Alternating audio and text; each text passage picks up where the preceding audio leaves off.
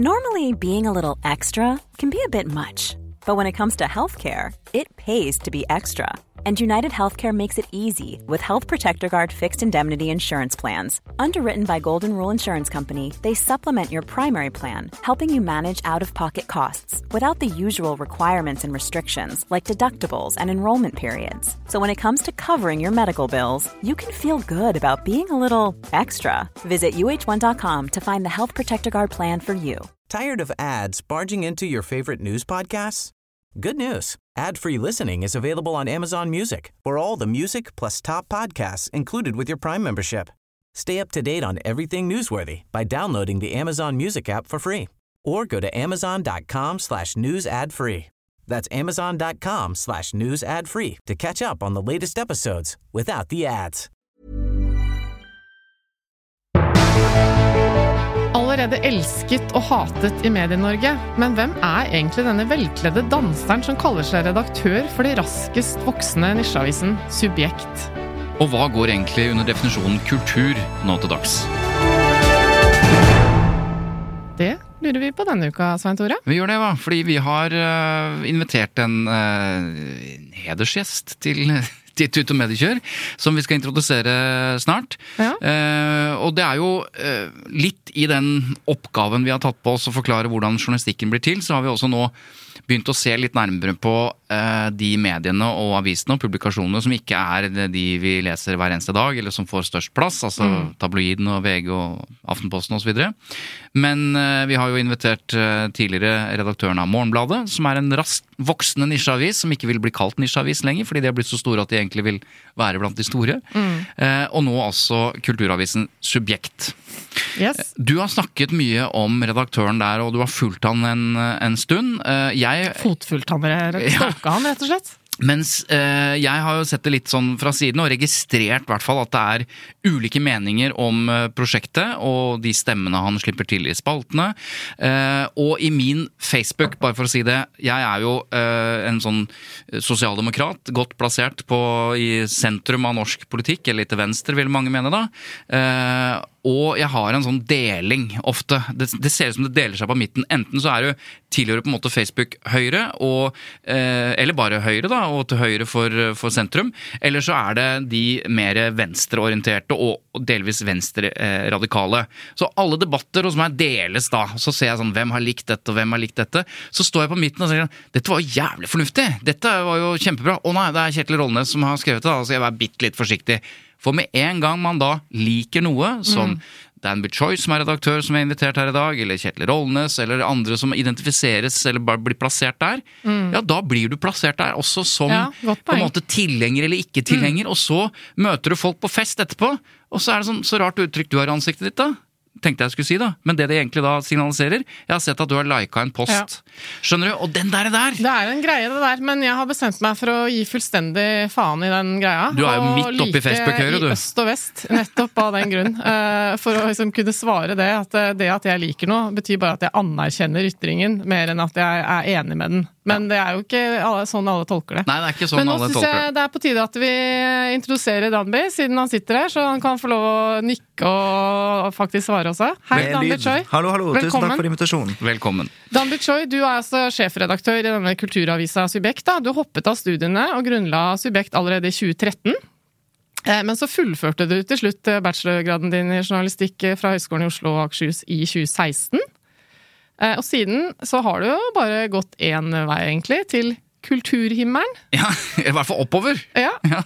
Eh, Og så er du styremedlem, det er ganske fancy da, Danby, i Oslo Redaktørforening. Ja.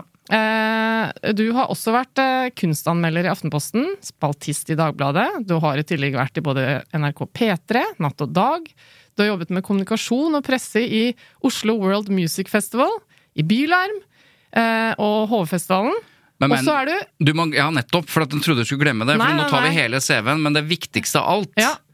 Norgesmester i streetdance. Yes, Det er den skal jeg leve lenge kult. på. Altså. Mm, og den prisen fikk jeg jo faktisk, for det er, det er altså Jeg har blitt nominert til noen priser i det siste som jeg ikke fikk. Det har Ja, faktisk. Det er også noe av grunnen til vi eh, kom på at nå må vi invitere deg. Fordi du var eh, for tredje gang nominert til en pris innenfor pressen. Eh, og den siste var da altså Årets meningsbærer. Vi eh, inviterte jo, og, eller snakket med i, i forrige uke, eh, hun som ble kåret til Årets redaktør. Tora eh, Bakke Håndlykken i VG. Men dette er altså den tredje prisen du blir nominert til. Eh, Hva tenker du sjøl om det? For i 2020 så var du da nominert eh, av Oslo Redaktørforening til Årets nyskaper. Det var jo velfortjent nominasjon, vil jeg si. 2021 ble du nominert av bransjeavisa Kampanje til Årets medienavn. Også fortjent. Og så sto du der eh, liksom sånn som de gjør på Oscar, og klappa i år også, når det var en annen som fikk prisen. Tenk om det skal være sånn hvert år til jeg går av med pensjon. Men jeg gjentar Det er spørsmålet. Ja. Hvordan er det å bli nominert, eh, og for så vidt det er jo en heder, men ikke å vinne? Jo, men jeg lever lenge på den eh, nominasjonsteksten også, så eh, det var jo en veldig veldig fin tekst som gikk inn på liksom veldig mye av det jeg er stolt av, egentlig, også avisens prosjekt. Eh, Men eh, å ikke vinne, det er selvfølgelig altså, Det spørs hvem du taper mot, fordi jeg syns eh, Håvard Melnes og Josimar er en veldig verdig vinner av den prisen. Og, og um, Josimar sa um, Nei, har dessuten hatt dette vanskelige året, og i tillegg så har Josimar en sånn holdning til fotballen som vi har til kulturlivet. Mm. Det har vært lenge preget av liksom typisk lanseringsjournalistikk og, og, og gred medhårs, egentlig. Eh, Men eh, vi har vært litt mer opptatt av å stille kritiske spørsmål og, og eh, bidra til at kulturlivet, som fotballbransjen, står på tå hev, da. Eh, Og derfor så så jeg egentlig en alliert i ham, mer enn noe annet. Mm. Han er uavhengig, frittstående, eh, og alle disse tingene som ligner litt på oss som subjekt, så jeg heier litt på at han vant, altså. Og da er det på tide å ta med de lytterne som ikke helt vet hva subjektet er, og prosjektet og hva du har gjort, med på den, skal vi kalle den ferden fra, fra, fra starten i 2013, sånn som du mm. inn- innledet med, Eva. For hva er avisas subjekt, eh, og liksom, hva er prosjektet ditt? Um, det er en eh, Jeg vet ikke om noen av, noen av dere eller lyttere har sett um, Jul i Flåklypa. Så er det en sånn um, scene hvor uh, hovedrolleinnehaver uh, Flåm, Flåmann Pløsen Ja. Eh, Redaktøren? Fløymann, eh, Ja, ja, ja, ja. noe sånt. Han eh, opplever jo opplagssvikt og, og journalister som sover mer enn de skriver. Eh, så skal han få bukt med dette problemet, da, og eh, prøver å trykke på alle knapper, men får det liksom ikke helt til, og ansetter en robotjournalist. Eh, som da skal løse problemet. Men denne robotjournalisten begynner å bli veldig frekk. I overkant ivrig og engasjert. Stiller masse kritiske spørsmål og liksom roer seg aldri. da. Så han prøver å løse dette problemet og trykker liksom på alle knappene på fjernkontrollen for å løse det. Eh, Så finner han til slutt hva som er løsningen, og det er å stille den inn på kulturjournalistikkmodus. Og da er julefreden sikret. Og hvorfor ler vi? Jo, it's funny because it's true. Eh, Kulturjournalistikken har lenge vært preget av eh, liksom eh, veldig det å gre medhårs og og å klappe kulturaktører frem. Lanseringsjournalistikk? Lanseringsjournalistikken, som da er ikke sant, å bare skrive at noen kommer til Hovfestivalen, i stedet for mm. hvem de er. 100 millioner til kulturlivet, og så er det liksom ingen spør hvor disse pengene kommer fra. Og det er helt merkelig type journalistikk, egentlig, som om kulturjournalistikk ikke er journalistikk på kulturfeltet, men en egen type eh, tekst som skal stå bakerst, som ikke er kritisk. Eh, og da er det jo mange kulturbyråkrater som kan drive med sitt virke i fred, uten å forvente å få nyhetsorienterte, gravende kulturjournalister på nakken. Eh, og det viste også Cecilie Wright Lunds studie på kulturstoffet i norske medier, eh, at eh, kulturpolitikere stort sett får mye mer av den type spørsmål hvilken bok er bra, og ikke hvorfor, eh, hvorfor og hvordan og når videre. Men med unntak av Altså, det er jo en type kulturjournalistikk som er kritisk, og som eh, de som blir rammet av det, er veldig Ja, syns er veldig vanskelig, og det er jo eh, Altså kritikken, altså kritikerne, anmeldelsene. Der eksisterer det jo en, en god tradisjon i Norge. Det å være hard eh, og tydelig eh, og gi ris og ros i, eh, når man anmelder kulturelle prosjekter. Ja. Enten det er forestillinger eller det er musikk eller hva det måtte være. Bare så det er sagt. Jeg det, er enig i det, altså man, men da snakker man liksom Da er man kritisk til form og farge. Ikke sant? Eh, Og jeg snakker egentlig litt om den eh, Ja, at det også er penger i kulturverden, ikke sant? Og at eh, man følger makten, og i alle andre, alle andre journalister følger jo pengene. Eh, og at eh, norsk kulturliv er sterkt offentlig finansiert, er en enda større grunn til at man skal følge pengene og være enda mer kritisk. Da. Eh, så det ligger veldig mye til rette for oss. altså Det går an å søke innsyn i nesten alt av norsk kulturliv, fordi at alt er ikke sant, offentlig finansiert og drevet. Eh, så vi er således eh, driver vi med en takknemlig jobb, da. Men eh, hva er kultur innenfor din definisjon? Ja, altså I Knut Olav Åmås sine teser for en bedre kulturjournalistikk for 10-15-20 år siden, eller noe sånt, så, så hadde han en litt sånn annen tilnærming. At kulturjournalistikk gjerne kan være litt sånn litterær journalistikk. da, At du skriver på en litt mer kunstnerisk måte. Ja. Og det får vi uansett, fordi at vi ser mye film, vi leser mye bøker, og vi skriver om disse tingene sånn at det er helt musikalsk å svare litt med det samme språket. Så det handler litt om formen også det presenteres i, ikke Ja. bare hva du skriver om? det kan man jo kalle okay. for kulturjournalistikk. ikke sant? Det er en måte å se på det på. Men det er mulig å kombinere med det samfunnskritiske. Men hva er kultur? Ja, eh, du spør godt. Eh, Det er mange, mange av våre Altså, Noen mener det bare er det motsatte av natur, alt det vi mennesker driver med, men så er det også sånn ehm, mange sier sånn Er ikke Subjekt en kulturavis? Hvorfor skriver dere om hijab? Og hvorfor skriver dere om ytringsfrihet? Og hvorfor skriver dere om trans?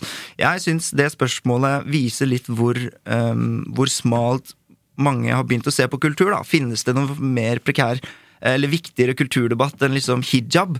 Eh, og kle, I all den tid det er et klesplagg, all den tid det er muslimsk og religiøst plagg. altså Det er ekstremt kulturbetinget. Eh, ytringsfrihet eh, altså det er også en kultursak. Det handler om hvordan vi snakker til hverandre, ikke minst i en digital tid, hvor liksom alt prøves helt på nytt eller på, på en ny måte. Eh, og liksom kjønnsroller, eh, transdebatten, og hvem som skal kunne gå i hvilke klær, og hvor langt du skal dra dette med din identitet osv. Også ekstremt kulturbetinget. Altså, så det er nytt for mange at vi liksom dekker den typen kultur, men for meg er det egentlig helt åpenbart at dette er kulturstoff. Da, I tillegg til at Subjekt har et av landets mest omfattende anmelderi. Mm. Disse tingene er vi også veldig stolte av, fordi det er ikke liksom plussprosjektet vårt. At vi driver med en slags eh, veldedighet på det området, syns jeg er litt sånn eh, en utakknemlig jobb, da, fordi det burde egentlig de store også gjort mer av. Apropos det, altså hva dere faktisk gjør, og hva dere tilfører eh, norsk offentlighet, mediemangfoldet. Eh, Morgenbladet, som er en annen voksende nisjeavis, eh, de dekker jo ikke hendelsesnyheter på samme måte som tabloidene gjør. Eh, de skriver analyser og kommentarer og går inn i eh, stoffet fra en annen vinkel. Eh, fra ditt ståsted, det du nå har fortalt, kan jeg spørre hva er det som gjør subjekt nødvendig? Altså, Hva er det for lite av i det, mm, håper å si, den medievirkeligheten som var før Subjekt trår til? Jeg mener at Morgenbladet er altfor treige, og at vi, vi, er, vi dekker jo tematisk det samme. Vi liker heller ikke å bli kalt nisjeavis, men til og med Dagens Næringsliv er jo en nisjeavis. Vi er liksom best på vår, vårt område. Eh, men vi dekker ganske mye av det samme. Vi har kultur, akademia, utdanning, forskning og liksom som Morgenbladet, men vi er litt raskere, og så har vi et litt mer tydelig liberalt ståsted eh, enn Morgenbladet. Det som gjør oss viktige, er kanskje nettopp det der med raske nyheter, litt tabloide nyheter, og gjerne litt skamløse nyheter også på kulturfeltet. Men jeg tenkte ikke nødvendigvis hva dere er i tillegg til Morgenbladet, men hva er det for lite av i mediene og hovedstadsmediene og det generelle mediebildet som er for lite av, som gjør Subjekt nødvendig? Ja, ja det er to, to ting. Det ene er eh, det jeg egentlig var litt inne på. Det er den kritiske kulturjournalistikken. Ku- Kulturjournalistikken har veldig lenge vært preget av lanseringsjournalistikk. Og så er det Jeg har en annen slags anekdote òg, og dette er en sann historie fra det som het Morgenposten den gangen. og det var en eh, journalist som skulle dekke en eh, filmpremiere på Colosseum kino, og så ankommer han stedet og ser at hele huset er i fyr og flamme. Og så tenker kulturjournalisten at nei vel, da stikker jeg tilbake. Ingen film å dekke i dag. Og der står jo da en oppgitt redaktør og venter, fordi at ja, men brann, da? Hvorfor skrev du ikke om den? Og det er litt sånn den typen kulturjournalistikk subjekt også driver med. Vi hiver fra Altså, vi, vi skal også dekke det hvis um, kultur eh, institusjonene står i brann. Eh, og det virker som om kulturjournalister veldig er, vel, skal bare drive med enten rød løperjournalistikk eller med anmelderi. Eh, så jeg mener at den, der, den mellomveien vi går, eh, og som er samfunnsnyttig, og som mange etterspør, den, den Det er jo derfor vi vokser. Eh, jeg syns eh, samfunnsoppdraget forklarer litt seg selv. Men apropos står i brann. Eh, mitt inntrykk når jeg følger Subjekt, er at eh, når det er en stor debatt, en samfunnsdebatt som pågår, så kommer det ofte en litt annen stemme hos dere. Og veldig ofte er det den stemmen som har en eh, ikke mainstream-holdning, for å si det sånn. Mm, Er det riktig at dere slipper til, eh, eller Ja. er det en greie for dere? Ja, og det er en eh, viktig del, syns jeg. Ja, det var det andre jeg skulle inn på, for, takk for at du tar det opp. Altså, vi, vi har et liberalt ståsted, og jeg mener jo at liberalismen har ikke ett, men to image-problemer. Det ene er at eh, i Norge så anser man liberalister som noen sånne eh, samvittighetsløse jævler som bare skal ha mindre skatt. Eh, mer frihet. liberalister, ja, eller jeg er mer sånn kulturliberal. det. Mm. Eller, ja, det betyr jo egentlig frihet. Eh, og, men i Norge så er liksom liberalistene, eh, markedsliberalistene, og gjerne Frp-ere og de enda lenger ut til høyre, som, som ønsker null skatt, nærmest, og, og som skal, mener at staten da stjeler pengene dine, og nesten. Eh, mens verdiliberal, det handler mer, mer om at du, du ønsker mest mulig frihet i universet, og da må du jo liksom ta en Altså, min frihet slutter der noen andres begynner også. Og jeg er jo ikke bare kritisk til staten da, selv om det er en veldig, veldig nærliggende konkurrent til friheten. Eh, Men jeg er også eh, kritisk til woke, autoritær kanselleringskultur, mobbkultur og all sånn utfrysningskultur og alt mulig sånt som, som eh, ikke tillater at folk skal blomstre, da. Eh, og det, det mener jeg er et stort problem i samfunnet. Men vi uh, i Subjekt er jo da uh, har et skråblikk på ting, og jeg mener jo egentlig ikke det er så veldig rart. Vi er Men det, det slår litt hardt. Da, når vi gjør det, eksempel Kjetil Rollene som jeg oppfatter som en sosialdemokrat, egentlig, men som, men som av mange er liksom Facebook-høyre. Han, er- han kom også med noe interessant, eh, kvinnehelse, da. Eh, Stemmer det egentlig at eh, man forsker mye mindre på kvinnehelse enn på mannehelse? Og hvis vi skriver et sånt eh, innlegg, eller publiserer et sånt innlegg, så virker det så veldig kontrært og så veldig ja, veldig anti-mainstream, men det er jo egentlig bare å dekke mainstream på en journalistisk måte og prøve å se hva er egentlig sannheten. Og det viste seg altså at det ikke stemte, at det er en sånn myte. Ok. Jeg har lyst til å bare gå litt tilbake til liberalisme og det, det, det kulturliberalistiske ståstedet, eller verdiliberale ståstedet ditt. Fordi du sa et eller annet om eh, at min eh, frihet stopper der andres ufrihet begynner, eller hvordan Ja, min formulerte det? frihet slutter der din begynner. Det. Nettopp. Ja. Eh, og eh, i sosialdemokratisk forstand da, så har man jo alltid snakket om frihet. Og friheten, eh, den må en ganske sterk stat til for at alle skal få den friheten. For hvis du har en markedsfrihet, eller en frihet der de mektigste eller de sterkeste på en måte får sin frihet, så vil det automatisk gå utover de som ikke har den makten. Altså du får ufrie liv. Ja. Så i et sånt perspektiv eh, så kan man jo si at frihet handler om nettopp å sørge for at dine meninger eh, eller dine eh, aktiviteter eller dine holdninger ikke går ut over noen som da vil oppleve ufrihet. Og da befinner vi oss på sett og vis også midt i den Ja. eh, kulturkrigen og Ja. identitetsdebatten og woke og Ja. hele pakka der. Når, liksom, kan du bare si noen ord presist om det? Ja, altså, det er, Min frihet slutter der din begynner. Det er vel han John jeg husker ikke hva han John Locke eller noe sånt som eh, sa det, men, men det stemmer liksom ikke alltid helt. For eksempel, vi ønsker oss mangfold i kulturlivet, det er liksom tidenes eh, motor, men eh, mangfold fordrer toleranse. Mm. det du snakker om nå, er at f.eks. mitt krenkevern skal starte der din ytringsfrihet slutter. Men sånn, kan ikke, sånn samfunn kan vi ikke ha. Eh, samfunnet skal ha ganske mange ubehagelige sannheter som krenker folk, for at vi skal løse problemer. da. For eksempel forskere skal fortelle oss ubehagelige sannheter om innvandring. Om jeg som innvandrer syns det er krenkende, og derfor må han slutte med det, så har vi ikke et liberalt samfunn. Så frihet er litt sånn det, Hvor skal egentlig mitt vern starte? Det er fakt, min frihet slutter faktisk starter faktisk ikke så tidlig, da. Eh, og journalister skal fortelle ubehagelige sannheter. Jeg husker at eh, det var en Aftenposten-journalist som skrev at det var mer koronavirus på østkanten enn på vestkanten.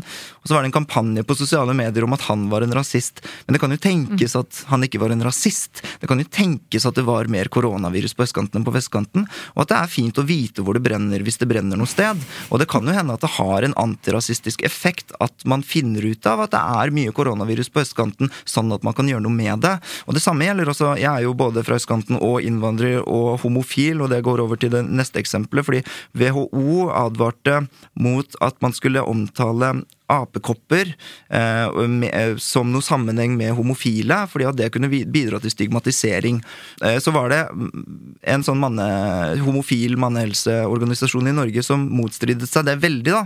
Og Det er kjempeviktig, fordi at det var overrepresentasjon blant homofile. Skal man slutte å si det fordi at man er redd for at noen skal bli krenka? Og så har vi publikum også et ansvar for at vi ikke skal lese det sånn. Det var 34 tilfeller i hele Norge. Du kan ikke si at homofil, da har du apekopper heller. Så du kan ikke dra den slutningen heller, selvfølgelig. Men mm. du kan ikke slutte å si at homofile skal være ekstra varsomme nå. Mm. Uh, og hvis vi ikke tør det, og hvis identitetspolitikken vinner frem, f.eks. at homofile da får en så stor talsperson som sier at dette må dere slutte å si, i pressen, fordi det er farlig for oss, uh, og det bidrar til stigmatisering, sorry, men det må man altså tåle. Mm. Uh, og det er en del sånne frihets gnisninger som, som eh, Altså, det er Du er fortsatt fri, selv om noen faktisk forteller deg noen ubehagelige ting, da. Der vil jeg jo gi deg honnør, akkurat som jeg syns at uh, avdøde Shabana Rehman fortjente honnør. Uh, nettopp for å si ting som man ikke forventer at kommer fra en, en som representerer en minoritet. Hun syns jeg veldig ofte var flink til å irritere seg over syting mm. f.eks. Fra mm. minoritetsgrupper eller fra innvandrere osv. Og, så uh, og sånn som jeg tolker deg nå, så, så opplever du nærmest et ekstra ansvar, kanskje? Ja, Stemmer det? det? For, hun, å, for å ta den stemmen? Et av mine største forbilder. Og hun, eh, en gang hun ble intervjuet, så ble hun spurt av eh, norsk-pakistansk ungdom sånn Ja, men hvilken side er du på? Er du med dem eller med mm. oss? Eh, og den identitetspolitikken er veldig utbredt nå, da. Det er liksom rart at en, en med brun hudfarge f.eks. er for ytringsfrihet, eller Himanshu Gulati er Frp-er. Men det er jo ikke det. Han er jo fra Han er hindu. Han, han er fra overklassen. Eh, og er, ikke sant, det er sånn Selvfølgelig skal det være like stort mangfold blant minoriteter som blant majoriteten. Mm. Jeg representerer jo ikke min hudfarge. Hva i alle dager skal det bety? Vi er jo like mangfoldige koreanerne som eh, majoritetsbefolkningen nordmenn er, og vi stemmer Frp, og vi stemmer Rødt, og vi mener altså helt ulike ting. Så vi må liksom Den identitetspolitikken har altså Ehm, etablert seg ekstremt godt i samfunnet, og det kan jeg, kritisk Kan jeg likevel utfordre deg eh, litt? Eh, for når jeg sitter og hører nå, så tenker jeg at det er nesten umulig å være uenig med deg eh, i dine prinsipper eller dine argumenter eller, eller, dine holdninger. Og det er kanskje delvis fordi det kommer opp noen argumenter fra den andre siden som du karikerer, som er sånn selvfølgelig kan ikke være sånn kan ikke være sånn at jeg må holde kjeft fordi du blir krenka på, liksom, på dette nivået. Men så opplever jeg at på samme måte som jeg er eh, for kapitalismen, så er jeg for en styring av kapitalismen. På samme måte som jeg er for ytringsfriheten, så er jeg for presseetikken. Altså Jeg er for en, en eh, organisering og, en, og et regelbundet frihet, da, på mange måter. Og jeg opplever noen ganger i denne debatten at ja, du må tåle det, og jeg kan være enig i nesten alle argumentene. Så stiller jeg meg på andre siden, så ser jeg hva slags type konsekvenser den journalistikken eller den meningsbærende journalistikken har fra den siden du snakker om nå. Og så er konsekvensen av dette ikke bare at de slutter å delta i debatten, noen av de, men den hetsen som kommer akkompagnert av disse ytringene som jeg er enig i, hele på en måte hvordan dette systemet fungerer, fører til i praksis at uh, noen forsvinner. Noen ekstremt viktige stemmer forsvinner fra debatten. Så jeg bare lurer på om du kan si litt hva du tenker rundt akkurat konsekvensen av det som vi begge mener er måte, riktig å framføre, og det innenfor ytringsfrihet og innenfor pressen og alt mulig sånn, men det er, får noen konsekvenser fordi for samfunnet er litt mer komplisert enn akkurat dette. Ja, det er jo veldig synd hvis eh, ytringsklimaet blir så kaldt at uh, noen melder seg ut. Selvfølgelig er det det. For en redaktør som ønsker mangfold, så er det ønskelig at alle sider og alle skal kunne komme frem og eh, diskutere. Eh, og regelrett hets og hat og eh, rasistiske, hatefulle ytringer er selvfølgelig helt uvelkomment i Subjekt og i Subjekts kommentarfelt og i min krets i det hele tatt. Men Um, man må huske det at for det første er liksom de rasistene i samfunnet er virkelig taperne i samfunnet. Ingen vil ta, ta i dem engang, med ildtang nærmest. Uh, og de de, eh, man må liksom heve litt hodet over dem, og det er min egentlig oppfordring. Eh, å, å stå i det likevel, altså. Fordi det betyr så lite. Det er bare stygge eh, Altså, ja. Jeg er veldig veldig skeptisk til at man skal la dem vinne, og la dem eh, styre debatten. Eh, og egentlig til å innføre noen eh, nye lover eller regler som gjør at man kan ta dem litt lettere, da. Mm. Det vi er inne på her, er jo det begrepet ytringsansvar, egentlig. Mm. Fordi det står litt sånn som en motsats til ytringsfriheten. Og den opplever jeg at folk er veldig uenig i. Hvor mye ytringsansvar har man? Og der opplever jeg at du kanskje er litt mer, hva skal jeg si, radikal enn andre, eh, i det at du mener at de må slippe til, selv om det ja. kan såre ja, altså, en del folk. Vi har jo aldri sluppet til noen som direkte hetser eller hater eller noe sånt i vår, eh, i vår mm. avis. Og i kommentarfeltet så er det jo sånn at det kan skje, og så sletter vi det så fort vi blir obs på det. Eh, men jeg tenker jo at man må huske at mye ytringsfrihet betyr mye bråk. Det betyr at mange kommer til å ytre seg, og det vil være mange albuer og spisse albuer osv. Men hvis det gjør litt vondt å ytre seg, så betyr det at det også betyr noe. Hvis alle får en sånn ytringsfatigue eller ytringsnøkternhet, mm. så vil jo ikke ytringer ha noe kraft heller. Mm. For om man skal endre, riste i samfunnet, bevege samfunnet, så, må, så kommer det til å gjøre litt vondt når du, gjør, mm. når du sier noe viktig. Men som redaktør, øh Kommer du på noen situasjoner hvor du har uh, måttet uh, Sensurere er jo et sterkt ord, da. Men hvor du rett og slett har måttet si der, uh, det, det, Den kan vi ikke publisere.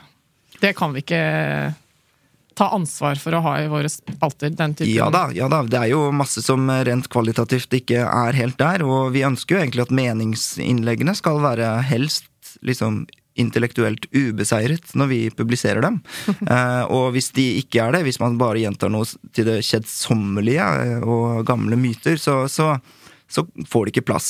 Eh, men det er helst det vi skal begrunne et avslag med, da. ikke sånn der 'du står for langt til høyre', for å si det sånn.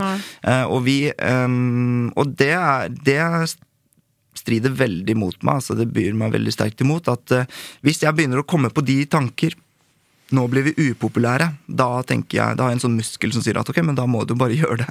For det er sånn litt det som er ja, jobben òg. Så må vi Det koster en del, da, fordi vi må rydde opp masse etterpå. Noen mener jo at vi er kontrære fordi at vi vinner masse på det, men vi, vi taper masse på det. Vi, vi får masse sinte kommentarer eh, og mye sterkere Eller mange sterkere meninger om oss. Mm. Eh, det er ganske mange sånne innlegg vi direkte er uenige med òg, som vi mener at liksom ok, dette taper vi mye mer på å publisere, men vi gjør det likevel, fordi jeg mm. syns altså det er så mye viktigere. Og det er, altså, det er ikke, det er ikke gitt at man løser eksempel høyreekstremisme ved å legge lokk på alt som har med liberalisme eller eh, ytringsfriheten til Legatum Publishing forlag å gjøre. Mm. Altså, um, Senter for ekstremismeforskning kom jo frem til at land med høyrepopulistiske partier i Europa har mindre sannsynlighet for høyreekstrem vold. Frp bidrar til at det er mindre høyreekstrem vold i Norge, mer enn Rødt gjør det. Og det er fordi at ytringsfriheten fungerer som en ventil. Det er sånn at Når folk får lov til å snakke, og opplever at det er lov å snakke om alt mulig, da blir ikke folk blåsprengt sprengt i trynet. Da blir ikke folk ekstreme sjåvinistiske. Og jeg syns det er veldig viktig. og det er liksom, Man hiver bensin på bålet da, hvis man gir feil begrunnelse for avslag mm. og sier at nei, det her er for det, det, er en for stygg mening, liksom. Hvis de selv opplever det som veldig saklig, og det er de jo ofte. Jeg vil si det på generelt grunnlag i livet, da. Det hjelper å snakke om det. Mm. Ja, og, det gir jo mening.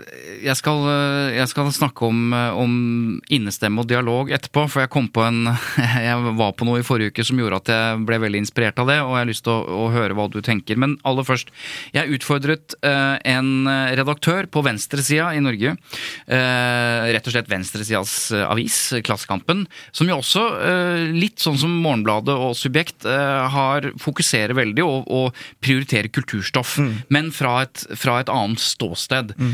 ansvarlig ansvarlig redaktør i Klassekampen, en venn av podkasten og gjest her, eh, Mari Skurdal. Jeg spurte henne hva, ehm, hva, eh, hvordan hun så på Subjekt og den utviklingen dere har hatt. Eh, jeg klarte dessverre ikke å ta det opp, så jeg har det skriftlig. Men hun, hun sier, som en slags anal kort, kort, analyse, da, at, um, at Subjekt fikk en boost av kulturkrig og redaktørens klare stillingstaken mot identitetspolitikk, som du har snakket litt om uh, i dag, og da uh, også dette kravet om kansellering. Han ga dem som sto mot på bl.a. Kunsthøgskolen, spalteplass. Jeg lurer på hva som vil skje videre, om veksten kan fortsette som et mer allmenn kulturnettsted, om samtidas kulturstrider blir mindre viktig. Altså om disse stridene som noen mener at du har ikke sant, gravitert på på et eller annet vis ved å ta en ganske klar stilling. Um, så det, det er egentlig også spørsmålet mitt. Først kan jeg høre hva du tenker om den uh, korte analysen. men hva blir viktigst framover for subjekt? Er det eh, å være veldig tett på kontrære og tydelige på nettopp eh, kulturkrig, identitetspolitikk? Eller blir det det du faktisk innledet med å snakke om, en annen type uredd, gravende kulturjournalistikk, hvor man på en måte pirker borti kulturinstitusjonen og ser på å være den kritiske, da? Altså, I den grad det er en motsetning her, så hva tror du dere skal vokse på fremover? Altså, Vi har ganske omfattende daglig publisering med 10-12 artikler hver dag. eh, Og har altså kulturkrigstoff i um, chevroner ganske sjeldent, men eh, algoritmisk så går det veldig bra.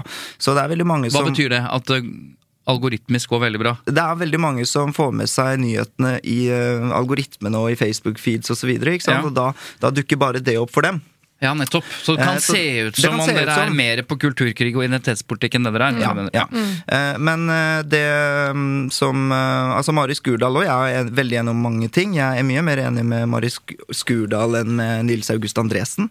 Og veldig ofte Som er redaktør i Minerva, som er det konservative tidsskriftet Riktig. Minerva. Ja, mye mer til felles. Ja, Altså, jeg opplever at de er mye mer konservative enn de er liberale, mens eh, Mari Skurdal er mye mer liberal enn eh, Nærmere liberal sosialist, da. Mm. Eh, og hun har veldig gode lederartikler og et veldig godt lederinstitutt, som også Bjørgulf Brånen startet i sin tid, og som vi har veldig mye til felles med. Eh, men hun, hennes bekymring er om vi kommer til å være like aktuelle fremover, fordi nå har vi kanskje nådd en peak woke. Mm. Vi kanskje, er vi kanskje ferdig med idpol, eh, identitetspolitikk og kulturkrig og sånn. Men vi leses jo mye mer enn Ja, noensinne. Vi det? For det første så er ikke det gitt i det hele tatt. Eh, For det andre så er identitetspolitikk veldig gjennomsyrende for eh, hele kulturlivet. Eh, Mest, men også næringsliv og mye mer. Eh, Og woke-tankegangen er, er ikke slukket med subjektjournalistikk. Den er, liksom, den er verdensomspennende, men Mm. vi merker jo at eh, prosjektet vårt resonnerer mye mer nå enn de gjorde for to år siden. Mm. Eh, Nå er det ikke så kult å være woke lenger, og vi har jo vært veldig kritiske til det hele veien. Men vi leses veldig mye mer nå enn vi gjorde for ett og to år siden, og hun snakker om at jeg ble veldig kjent for ett og to år siden pga. disse ståstedene. Ja, nå må du du si hva de ståstedene er, for jeg tror vi har en del lyttere som uh, utrolig nok ikke Ja. veit hvem du Nei, nei, er og ikke- aldri har lest en artikkel i Subjekt. Ja. La oss gjøre det veldig enkelt. De ståstedene og den standpunktet og den, det du eh, ytret i eh, for ett til to år siden, hva er det viktigste for å oppsummere for lytterne som ikke følger med i denne debatten? Um, Det er uh, min kritikk av identitetspolitikk som forventer av meg å være en representant for min hudfarge eller nasjonalitet. Um, Frihet for meg har handlet om å bryte ut av de forventningene. Rasisme for meg har handlet om å kreve at jeg skal inneha en minoritetsposisjon. Jeg har aldri møtt så mye rasisme som fra velmenende antirasister, og det mener jeg fra hele mitt hjerte. Og de krever altså eh, Altså, med god, i godhetens navn så sier de at jeg eh, slikker ryggen til eh, hvite folk jeg aldri kommer til å bli en del av. At jeg, ikke sant eh, Jeg må bare oppklare, Spytter fordi- på min egen minoritet. Folk ser deg ikke når du sitter der og prater. Eh, du, har- Jeg- du er jo norsk, da, men du har er røtter norsk. fra Sør-Korea. Født av, i Norge av koreanske foreldre. Vokst opp i en uh, liten leilighet på Oppsal i Oslo øst. 50 kvadratmeter med min kjernefamilie. Og uh, oppfattes nå som en em, innvandrer som ikke Nei, som spytter på min egen minoritet. Men jeg har jo lyst til å være redaktør. Jeg har jo ikke lyst til å være brun homo. Jeg har jo ikke lyst til å være representant for min hudfarge. Jeg har jo mye større ambisjoner enn det. Og med en gang man har identitetspolitikk som rammeverk, så krever man at jeg skal konkurrere i min egen liga, på en måte, som er hvor målet er å bli eh, president i en innvandrerforening. Fordi det er liksom min kapasitet. Og det byr meg veldig imot. Jeg har lyst til å kjempe i samme boksering som andre redaktører, og gjøre en god redaktørgjerning. Frihet for meg handler om å bryte ut av nettopp de rammene som dessverre mange velmenende antirasister ønsker å låse meg inn i. Og det var et uh, innlegg som på en måte uh, jobbet med raffinerte, og liksom som jeg har lært av Shabana Rehman, som hun har vært sånn hele veien. Eh, hun er Norges første kritiker av identitetspolitikk, kan du si, men, hun, men ordet fantes ikke da. Nå er det endelig blitt, liksom, nå er det blitt en en, en idé. Men er all La meg spørre deg Er det noe ved og det er rart å bruke det begrepet, for det er så belasta, men, men er det noe ved identitetspolitikken, eller det at man identifiserer seg med en større gjeng, da, en større flokk, som har et større oppdrag enn bare det personlige, er det noe av dette som du kan sympatisere med på en eller annen måte? Ja, altså Homokampen har jo vært viktig selvfølgelig for en del rettigheter. Feminisme kan også sies å ha vært en identitetspolitisk bevegelse, men men det må være en sånn midlertidig løsning, og det må være veldig berettiget. Eh, Det er det ikke alle disse kampene som er, og så er det noen ganger man også nå prøver å um, Altså Man offrer veld, hiver veldig mye ut med badevannet da, om man skal, om man skal eksempel ha litt mindre ytringsfrihet for at eh, man skal ve- verne Sumaya Jirdali mer. Men um, det, det som er eh, problemet mitt med den identitetspolitikken, er jo nettopp at det, nå er, altså innvandrere er gründere, leger, politikere. De, altså de har in, de vil, ha seg frabedt det at de kom i posisjon fordi at de var kvotert, eh, eller alle disse tingene som som på et eller annet tidspunkt må slutte, da. Vi er konkurransedyktige. Eh, så det er ikke noe vits i å drive og løfte At det skal være nødvendig å sitte og si det. Ja, ja, at det skal være nødvendig å drive og si Ja. det. Drit i å løfte meg opp ellers, takk. Jeg ønsker å Ja. konkurrere i samme divisjon. Så du ønsker å bli sett på som en eh, dyktig redaktør, og det blir du jo, for du er nominert eh, herfra og derfra. Eh, Og i tillegg så er du jo en litt sånn unormal redaktør, vil jeg si, for du blir jo ofte omtalt som den velkledde.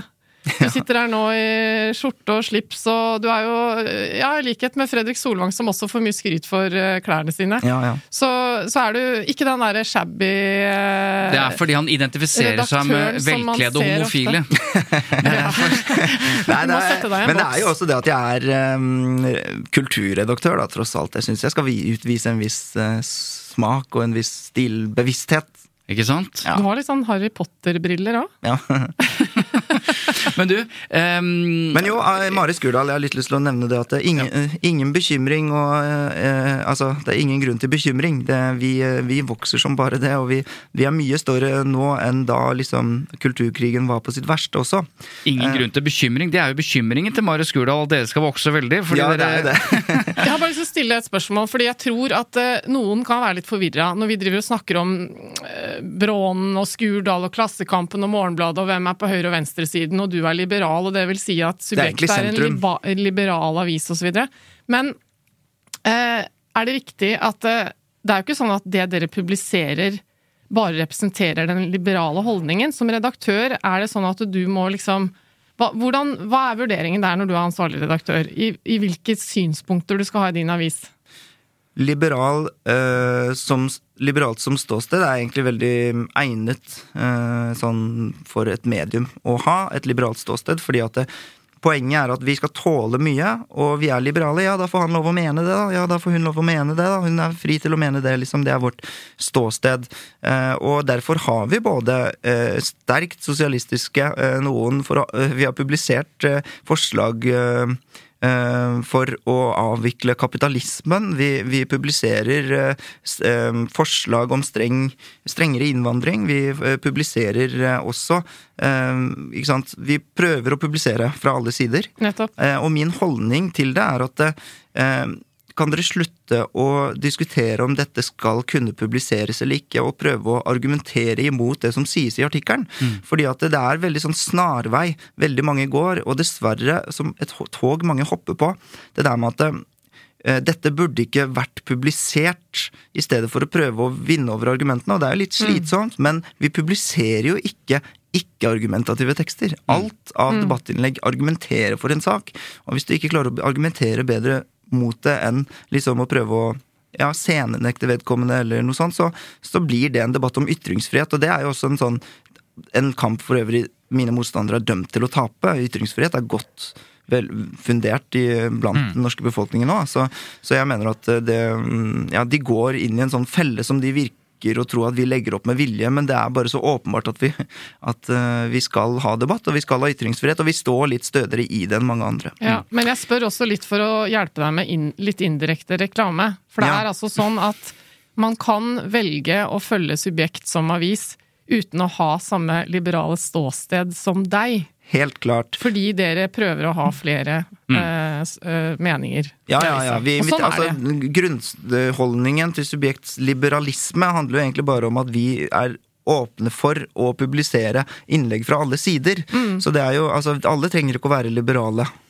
Jeg har lyst til å bare løfte inn eh, varslete eh, dette med dialog. fordi eh, man kan jo få inntrykk av når man følger denne woke-debatten eller kulturkrig-debatten eller identitetspolitikk, så er det mye utestemme. Altså det er veldig harde fronter. Det er jo oppstått veldig harde fronter. Så kan man forstå det, for det har noe med folks identitet å gjøre, da, og, og hva man, man, føler seg som, og, og det handler om ytringsrom og frihet og hets og alt det der. Men jeg ledet en, en, samtale i forrige uke i Trondheim eh, hvor jeg intervjuet Dea Khan, eh, som jo er barn av pakistanske innvandrere i Norge. Flyttet ganske tidlig til, til London etter mye rasisme og vondter her i Norge. Ja, Men det kom mest fra det norsk-pakistanske miljøet til henne òg. Det er også helt riktig.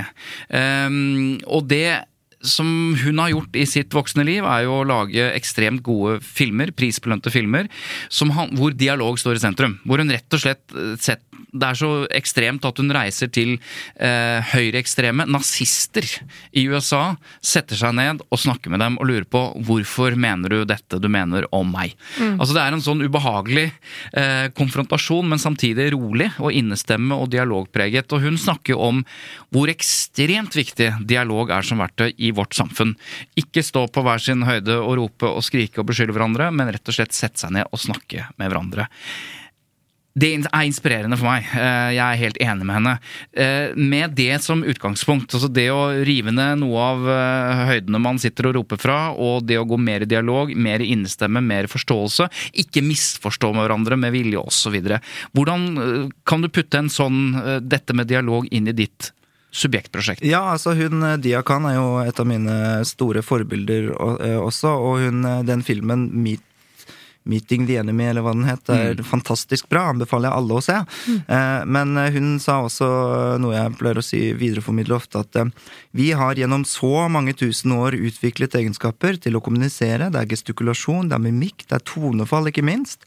Eh, og så har man de 20 siste årene plutselig bare lagt fra seg alt det, og så skjer alt via liksom tastaturet. Mm. Det er klart man mister veldig mye av kommunikasjonen på veien. Eh, og det der med dialog, det er eh, ikke sant, Jeg tenker at det er, det er litt derfor også jeg møter mye på paneldebatter og debatterer liksom mm. face to face og sånn, fordi at det er ganske mange som får et helt annet bilde av meg når de leser eh, Når, når de hører meg, eller når de mm. snakker med meg, versus hvor når jeg skriver på tastatur, da. Ja, det kan bekreftes. Ikke sant? Og det, og det er sånn det er, det er, liksom mye vi har mistet, og det må, må, vi løse på en eller annen måte, altså, fordi men, men, det tar meg over til eh, at jeg har lyst til å høre fra deg hva du syns om norsk presse, fordi det er jo det vi snakker om nå, det hjelpes jo veldig til av mediene.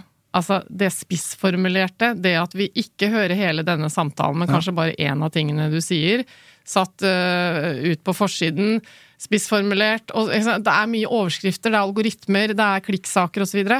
så sånn jevnt over, hvordan syns du mediene bidrar uh, i, i denne problematikken? Um, det skal sies at jeg har en sånn uh, infografikkbok og vi, hvor man, uh, som er helt fantastisk. Jeg elsker infografikk. Det handler om hvordan man visualiserer journalistikk da, eller informasjon. Og det er en sånn fantastisk dobbeltside som er sånn skudd Altså det er perforert, det er hull i arket, som ser ut som pistolskudd. og så står det årstall. Så står det liksom sånn 1940, så er det dritmasse hull gjennom, og så, min, og så, er det liksom veldig sånn mindre og mindre og mindre. Mm. Det er mindre konflikt i verden nå enn det var før. Eh, og det må vi huske på, selv om det er um, mye debatt da, og mye uenighet. Men enighet er jo ikke det vi skal ha, det er jo uenigheten som gjør Norge bra, Vesten suveren. Og liksom enige er man i Russland, Kina, Nord-Korea og sånne land. Så det er veldig viktig at vi har Det skal være temperatur, det skal være tempo, det skal være overskrifter, men selvfølgelig skal vi følge presseetikken, som jeg også er en stor tilhenger av, og så at vi skal prøve å liksom ikke hause opp mer enn nødvendig, og at vi, overskrifter skal ha At det skal være hold for det, at det skal mm. være dekning for de sakene og alt mulig sånn. Men norsk presse, jeg syns Altså, jeg er veldig stolt av norsk presse, og jeg syns uh, pressen gjør en utrolig bra jobb, men jeg blir litt overrasket noen ganger altså over over at jeg eller subjekt blir ansett som kontroversielle. da, fordi at vi, vi, For meg så er det mer det at vi bare er litt sånn hem, uten hemninger, og at vi er litt skamløse, men prøver å si litt sånn åpenbare ting. Jeg, for eksempel, jeg blir jo, At jeg blir kalt transfob for å snakke på den måten jeg gjør om kjønn, jeg syns det er helt merkelig. det er liksom, verden har aldri vært enige om noe, bortsett fra at det finnes to kjønn, og så siden tidenes morgen, og så nå er det plutselig blitt kontroversielt å mene det. Det er litt deilig at noen tør å si sånne ting, for Ja, vi orker men ikke å ta det- debatten. La oss ikke åpne den døra Nei, nei, der, nei. her. Men så er det jo også det der med, og så er det jo også det der med For eksempel, um, jeg er jo homofil. uh, Hvis man skal ta tak i homohets og transhets for øvrig. Eh, hvorfor skylder man på Hvorfor kaster man liksom hvor, på oss? Hvorfor skylder man på subjekt? Eh, når alt viser at det er suverent høyere homohat blant religiøse miljøer, særlig muslimske. ikke sant? Og Dette syns jeg pressen skal være bedre på, men det er en woke-ideologi som hindrer oss, er jeg veldig overbevist om. Okay. Nei, man er altså et, Man snakker om en stigmatisert gruppe, muslimer, det stemmer også, og derfor skal man ikke si det heller. Men det Forklar syns jeg er litt mer, hva, problematisk. hva mener du med at det er en woke-ideologi? Altså, Altså, eh, Jeg var med i en NRK-sending som het Den store id-fest- id-festen. Og da kom det altså eh, folk, person etter person etter person, som mente at mediene hadde skylda, og at vi, vi eh, hadde sagt for ofte da, at eh, det var en person med muslimsk bakgrunn som hadde gjort et eller annet. Eller, det var en, eh, eller noe sånt. Men det, vi kan jo ikke slutte å si ting hvis det stemmer, fordi at vi er redde for at det eh, stigmatiserer, sånn som jeg sa i stad. fordi at hvis man skal løse et problem, hvis det brenner noe sted, er det fint å vite hvor det brenner. Eh, Men denne, denne tanken har spredt seg veldig, så man er veldig forsiktig nå med å fortelle hvor, hva slags problemer som finnes i visse religiøse miljøer. Og derfor, vet, derfor angriper folk oss for å være homohaterne, når sannheten er at homohat er suverent overrepresentert blant muslimske miljøer i Norge. Ja. Så hvis du vil gjøre noe med dette problemet, så må man tørre å ta de debattene. Og da må vi ikke angripe pressen for å ta de debattene, fordi at det, vi må kunne snakke om det. Og, hvis det, og jeg mener at det er de lave forventningers rasisme. liksom sånn, Muslimer de kan ikke noe bedre det enn å være homofiendtlige. Jo, klart de kan det! Selvfølgelig kan de ta den debatten. Og det er mange forbilledlige, progressive muslimer som ikke har den holdningen, og det er kjempebra. Det er sant, Men det er som betaler en høyere pris enn det jeg gjør. For å ha akkurat de samme holdningene. Til homofili, til trans, til innvandring, til Jeg har noen sett av holdninger Ja da, men, som er ekstremt enkelt for meg å ha. ja, ja, ja, ja, men, Men som er mye vanskeligere for å ha hvis du er en del av et eh, det helt sant. minoritetsmiljø. Så, så jeg heier jo på dem. Og liksom folk som river av seg hijaben, eller som skal konfrontere foreldrene sine med sine egne meninger osv. Det er klart det er en mye høyere pris. Jeg går med hatt, jeg. Og jeg får mye pepper for å gå med hatt. Men det, er ikke, det ligner jo ikke på den pepperen andre får for å gå med andre ho- hodeplagg, da. For å si det akkurat sånn. Men du, jeg har lyst til eh, jeg, Du sa ett ord. Veldig tilhenger av pressen og presseetikken. Vi klarer ikke la være. Du har hatt en liten uh, legger deg flat-episode. og vi har jo snakket om Sofie Elise i, uh, i eh, Forrige episode. forrige episode. Om eh, hvordan hun om egentlig NRK, tok eh, egentlig. innersvingene på Ja. NRK ved å si 'dette gidder jeg ikke mer'. Ganske fiffig. Men eh, du eh, er Eller du kan beskrive det selv. Hva slags relasjon har du til Sofie Elise Isaksen? Ja, vi er gode venner, og vi har vært det lenge. Ja, nettopp. Og det var jo noe av poenget, fordi det er jo ikke unaturlig at venner forsvarer hverandre. Og hun var utsatt for eh, mye kritikk og så videre, og da fant du det naturlig å forsvare henne. Og det står du helt fritt til, som venn og som menneske. Så skjedde det noe mer. Eh, Du forsvarte henne i spaltene. Egne Eh, spalter. Egen, ja, nettopp, for der er hele ikke forskjellen. bare, da, men også. Ja, ja, også. Du ble intervjuet som venn, forsvarte henne. Fair, du var intervjuobjekt. Men du er også redaktør, og du gjorde det samme i dine egne spalter. Og i en liten periode der, et lite intermesso der, som mente at det var omtrent det samme. Eller du har argumentert for at du sier jo bare det samme i intervjuer som du sier i dine egne spalter, og det må være greit. Og så kom du fram til at eh, det Nei, jeg sa, jeg sa aldri det. Men, akkurat det. Ok. For det var det jeg også beklaget. Så det, det er første gang eh, det, er, eh, det er veldig sjelden man kan beklage så stort uten å trekke tilbake noe man har sagt. Men jeg har beklaget altså å publisere det i egen avis. Ja. Og det argumenterte jeg heller aldri for at var skikkelig greit. Men, eh, men det skal sies at det var på en måte Jeg mener at det, det var Altså, det det er jo faktisk sånn at det var helt åpent for alle. Det sto flere ganger i teksten at jeg var god venn med Sofie, og det er en kommentar. Altså, vi har jo også altså, Alle aviser har jo spaltister som er både altså, ja, Nå høres det ut som du egentlig syns det var litt greit. Men ja. Men, eh, jeg har, men jeg har sagt at jeg forstår at jeg burde eh, droppet å gjøre det i egen avis.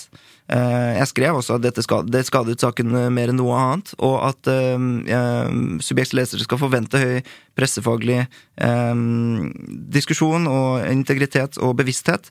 Eh, og jeg burde ikke gjort det, og det la jeg meg flat for. At jeg publiserte i egen avis. Men når det er sagt, eh, så er det virkelig ikke der meningene mine ble lest. Jeg tror jeg har blitt intervjuet i eh, VG, TV 2, eh, Dagbladet. Det var ikke primært subjekt som kilde de brukte for å vite at du var vennen til Nei, eh, Sofie Elise? Men for de som eventuelt sitter og stusser litt, så vil jeg bare prøve å forklare at eh, grunnen til at man har en sånn generell holdning om at man ikke skal eh, eh, uttrykke den type holdninger i egne spalter som redaktør, da, er litt fordi at som redaktør med sin egen publikasjon, så har man en plattform som ikke alle andre har, og den trenger man ikke å eh, misbruke eller utnytte eh, når man har en relasjon eh, og liksom er litt inhabil. Så det er liksom bakgrunnen for den regelen. Og Ja. siden vi er litt presseetiske nerder, så må man bare si en ting. At det er jo helt riktig som du sier, eh, at eh, man skal vise åpenhet om bakenforliggende forhold. Og ditt vennskap til Sophie Elise er et sånt bakenforliggende forhold.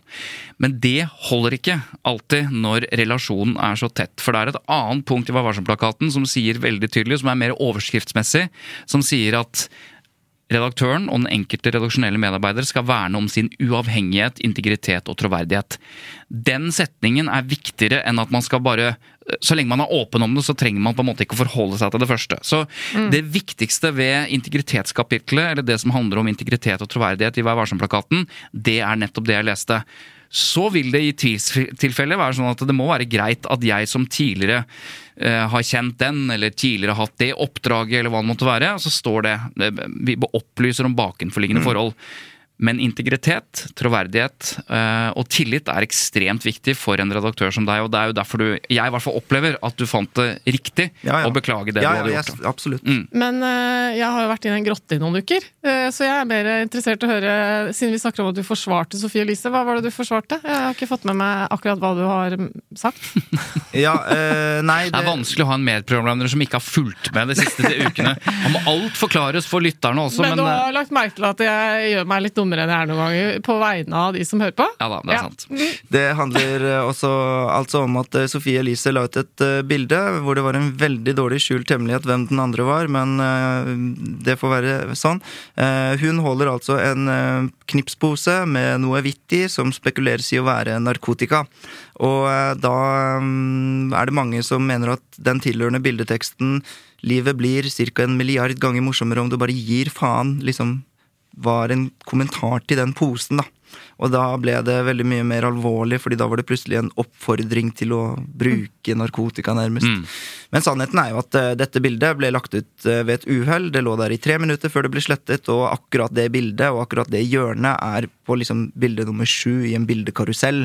Så den bildeteksten var bare sånn Her er det masse bilder av fest og moro, det er lættis, eh, livet blir morsomt hvis du gir litt faen. Ok, Og jeg, Ja. tror, og jeg tror på det. Jeg tenker Hvis du skal promotere narkotika, så bør du ikke gjøre det så subtilt. Da, Nei. kan du, da kan du gjøre det litt kraftigere. Nettopp. Og uh, derfor så mente jo folk at hun burde få sparken uh, Eller altså, hun var jo aldri ansatt, men uh, oppdragsavtaler skulle avlyses da på grunn av at hun var et dårlig forbilde. Men for det første så mener jeg at hvis det er sånn at alle som har brukt rus, skal miste alt, mm. så, så har vi et veldig illiberalt samfunn.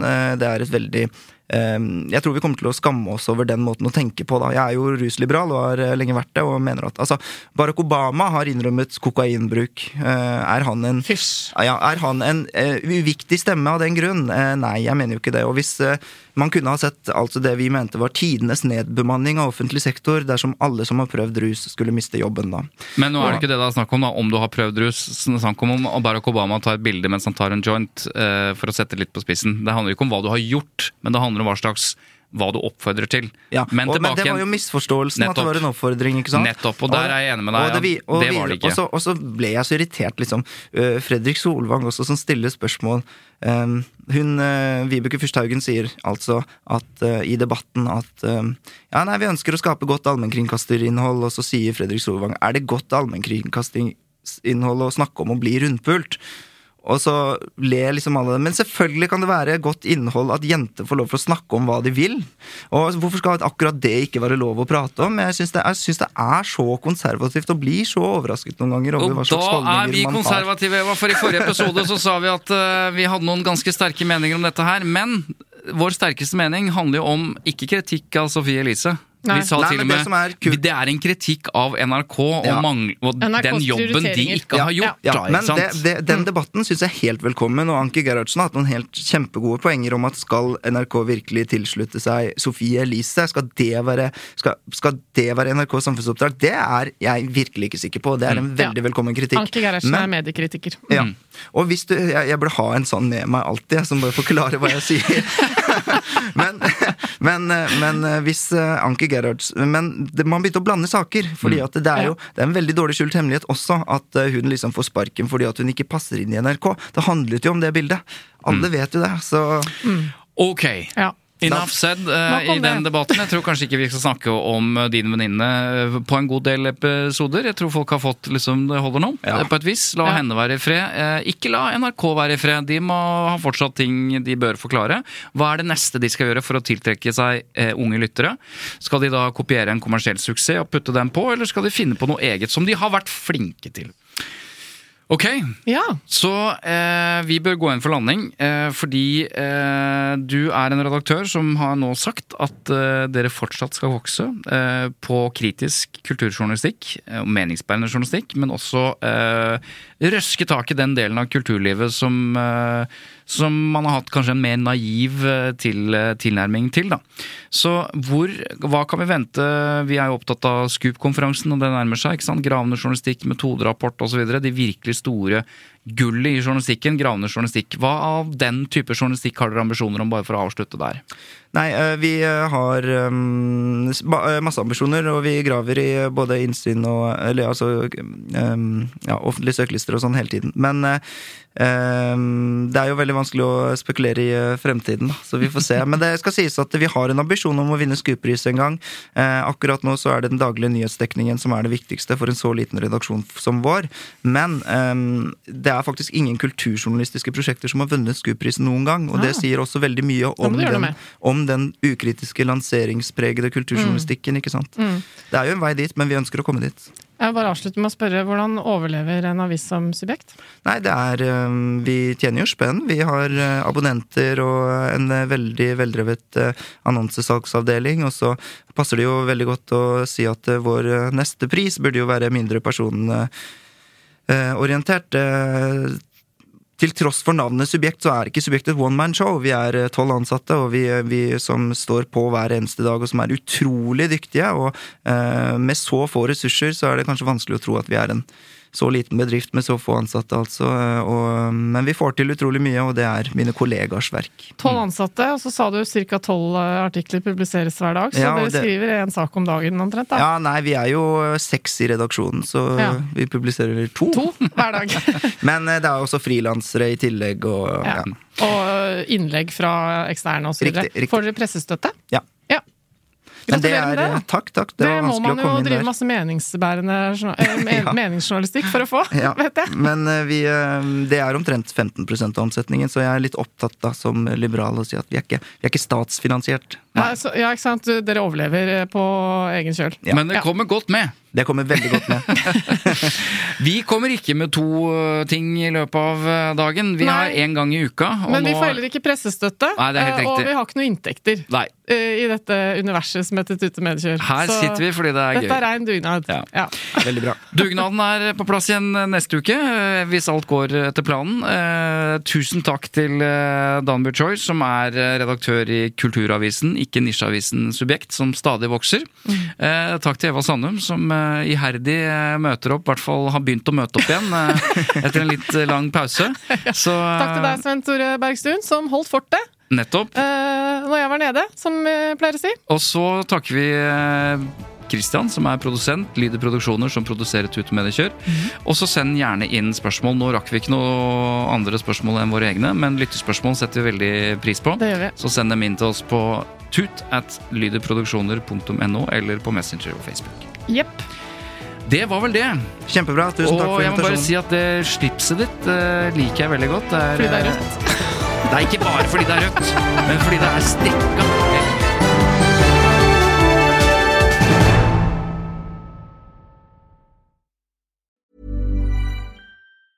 Tired of ads barging into your favorite news podcasts?